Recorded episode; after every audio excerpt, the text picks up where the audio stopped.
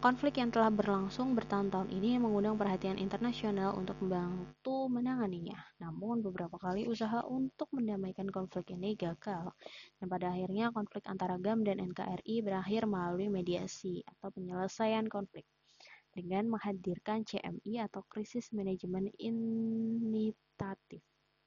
Tempat perundingan yang diprakarsai CMI dilaksanakan di kota Helsinki, Finlandia.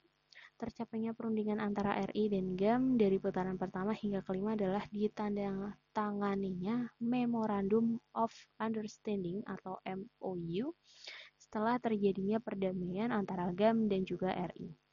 Di Aceh, perubahan sosial mulai terjadi. Berbagai macam pembangunan terus berlangsung. Dan pembangunan ekonomi di Aceh juga jadi mendapat perhatian lebih sehingga mereka sudah tidak lagi merasa diabaikan pemerintah.